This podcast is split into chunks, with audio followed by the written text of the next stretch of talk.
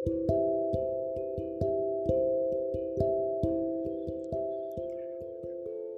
hidup ya? Pasti pengen banget nyerah, ya kan? Sama kok.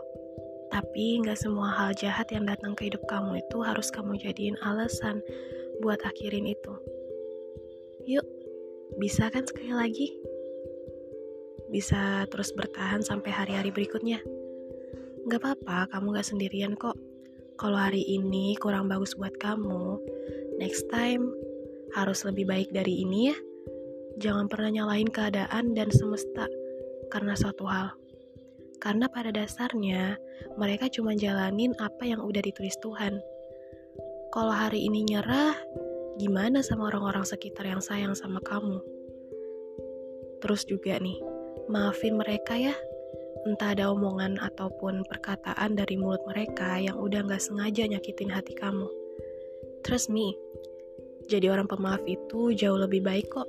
So, please bertahan lebih lama lagi ya. Aku tahu kamu bisa.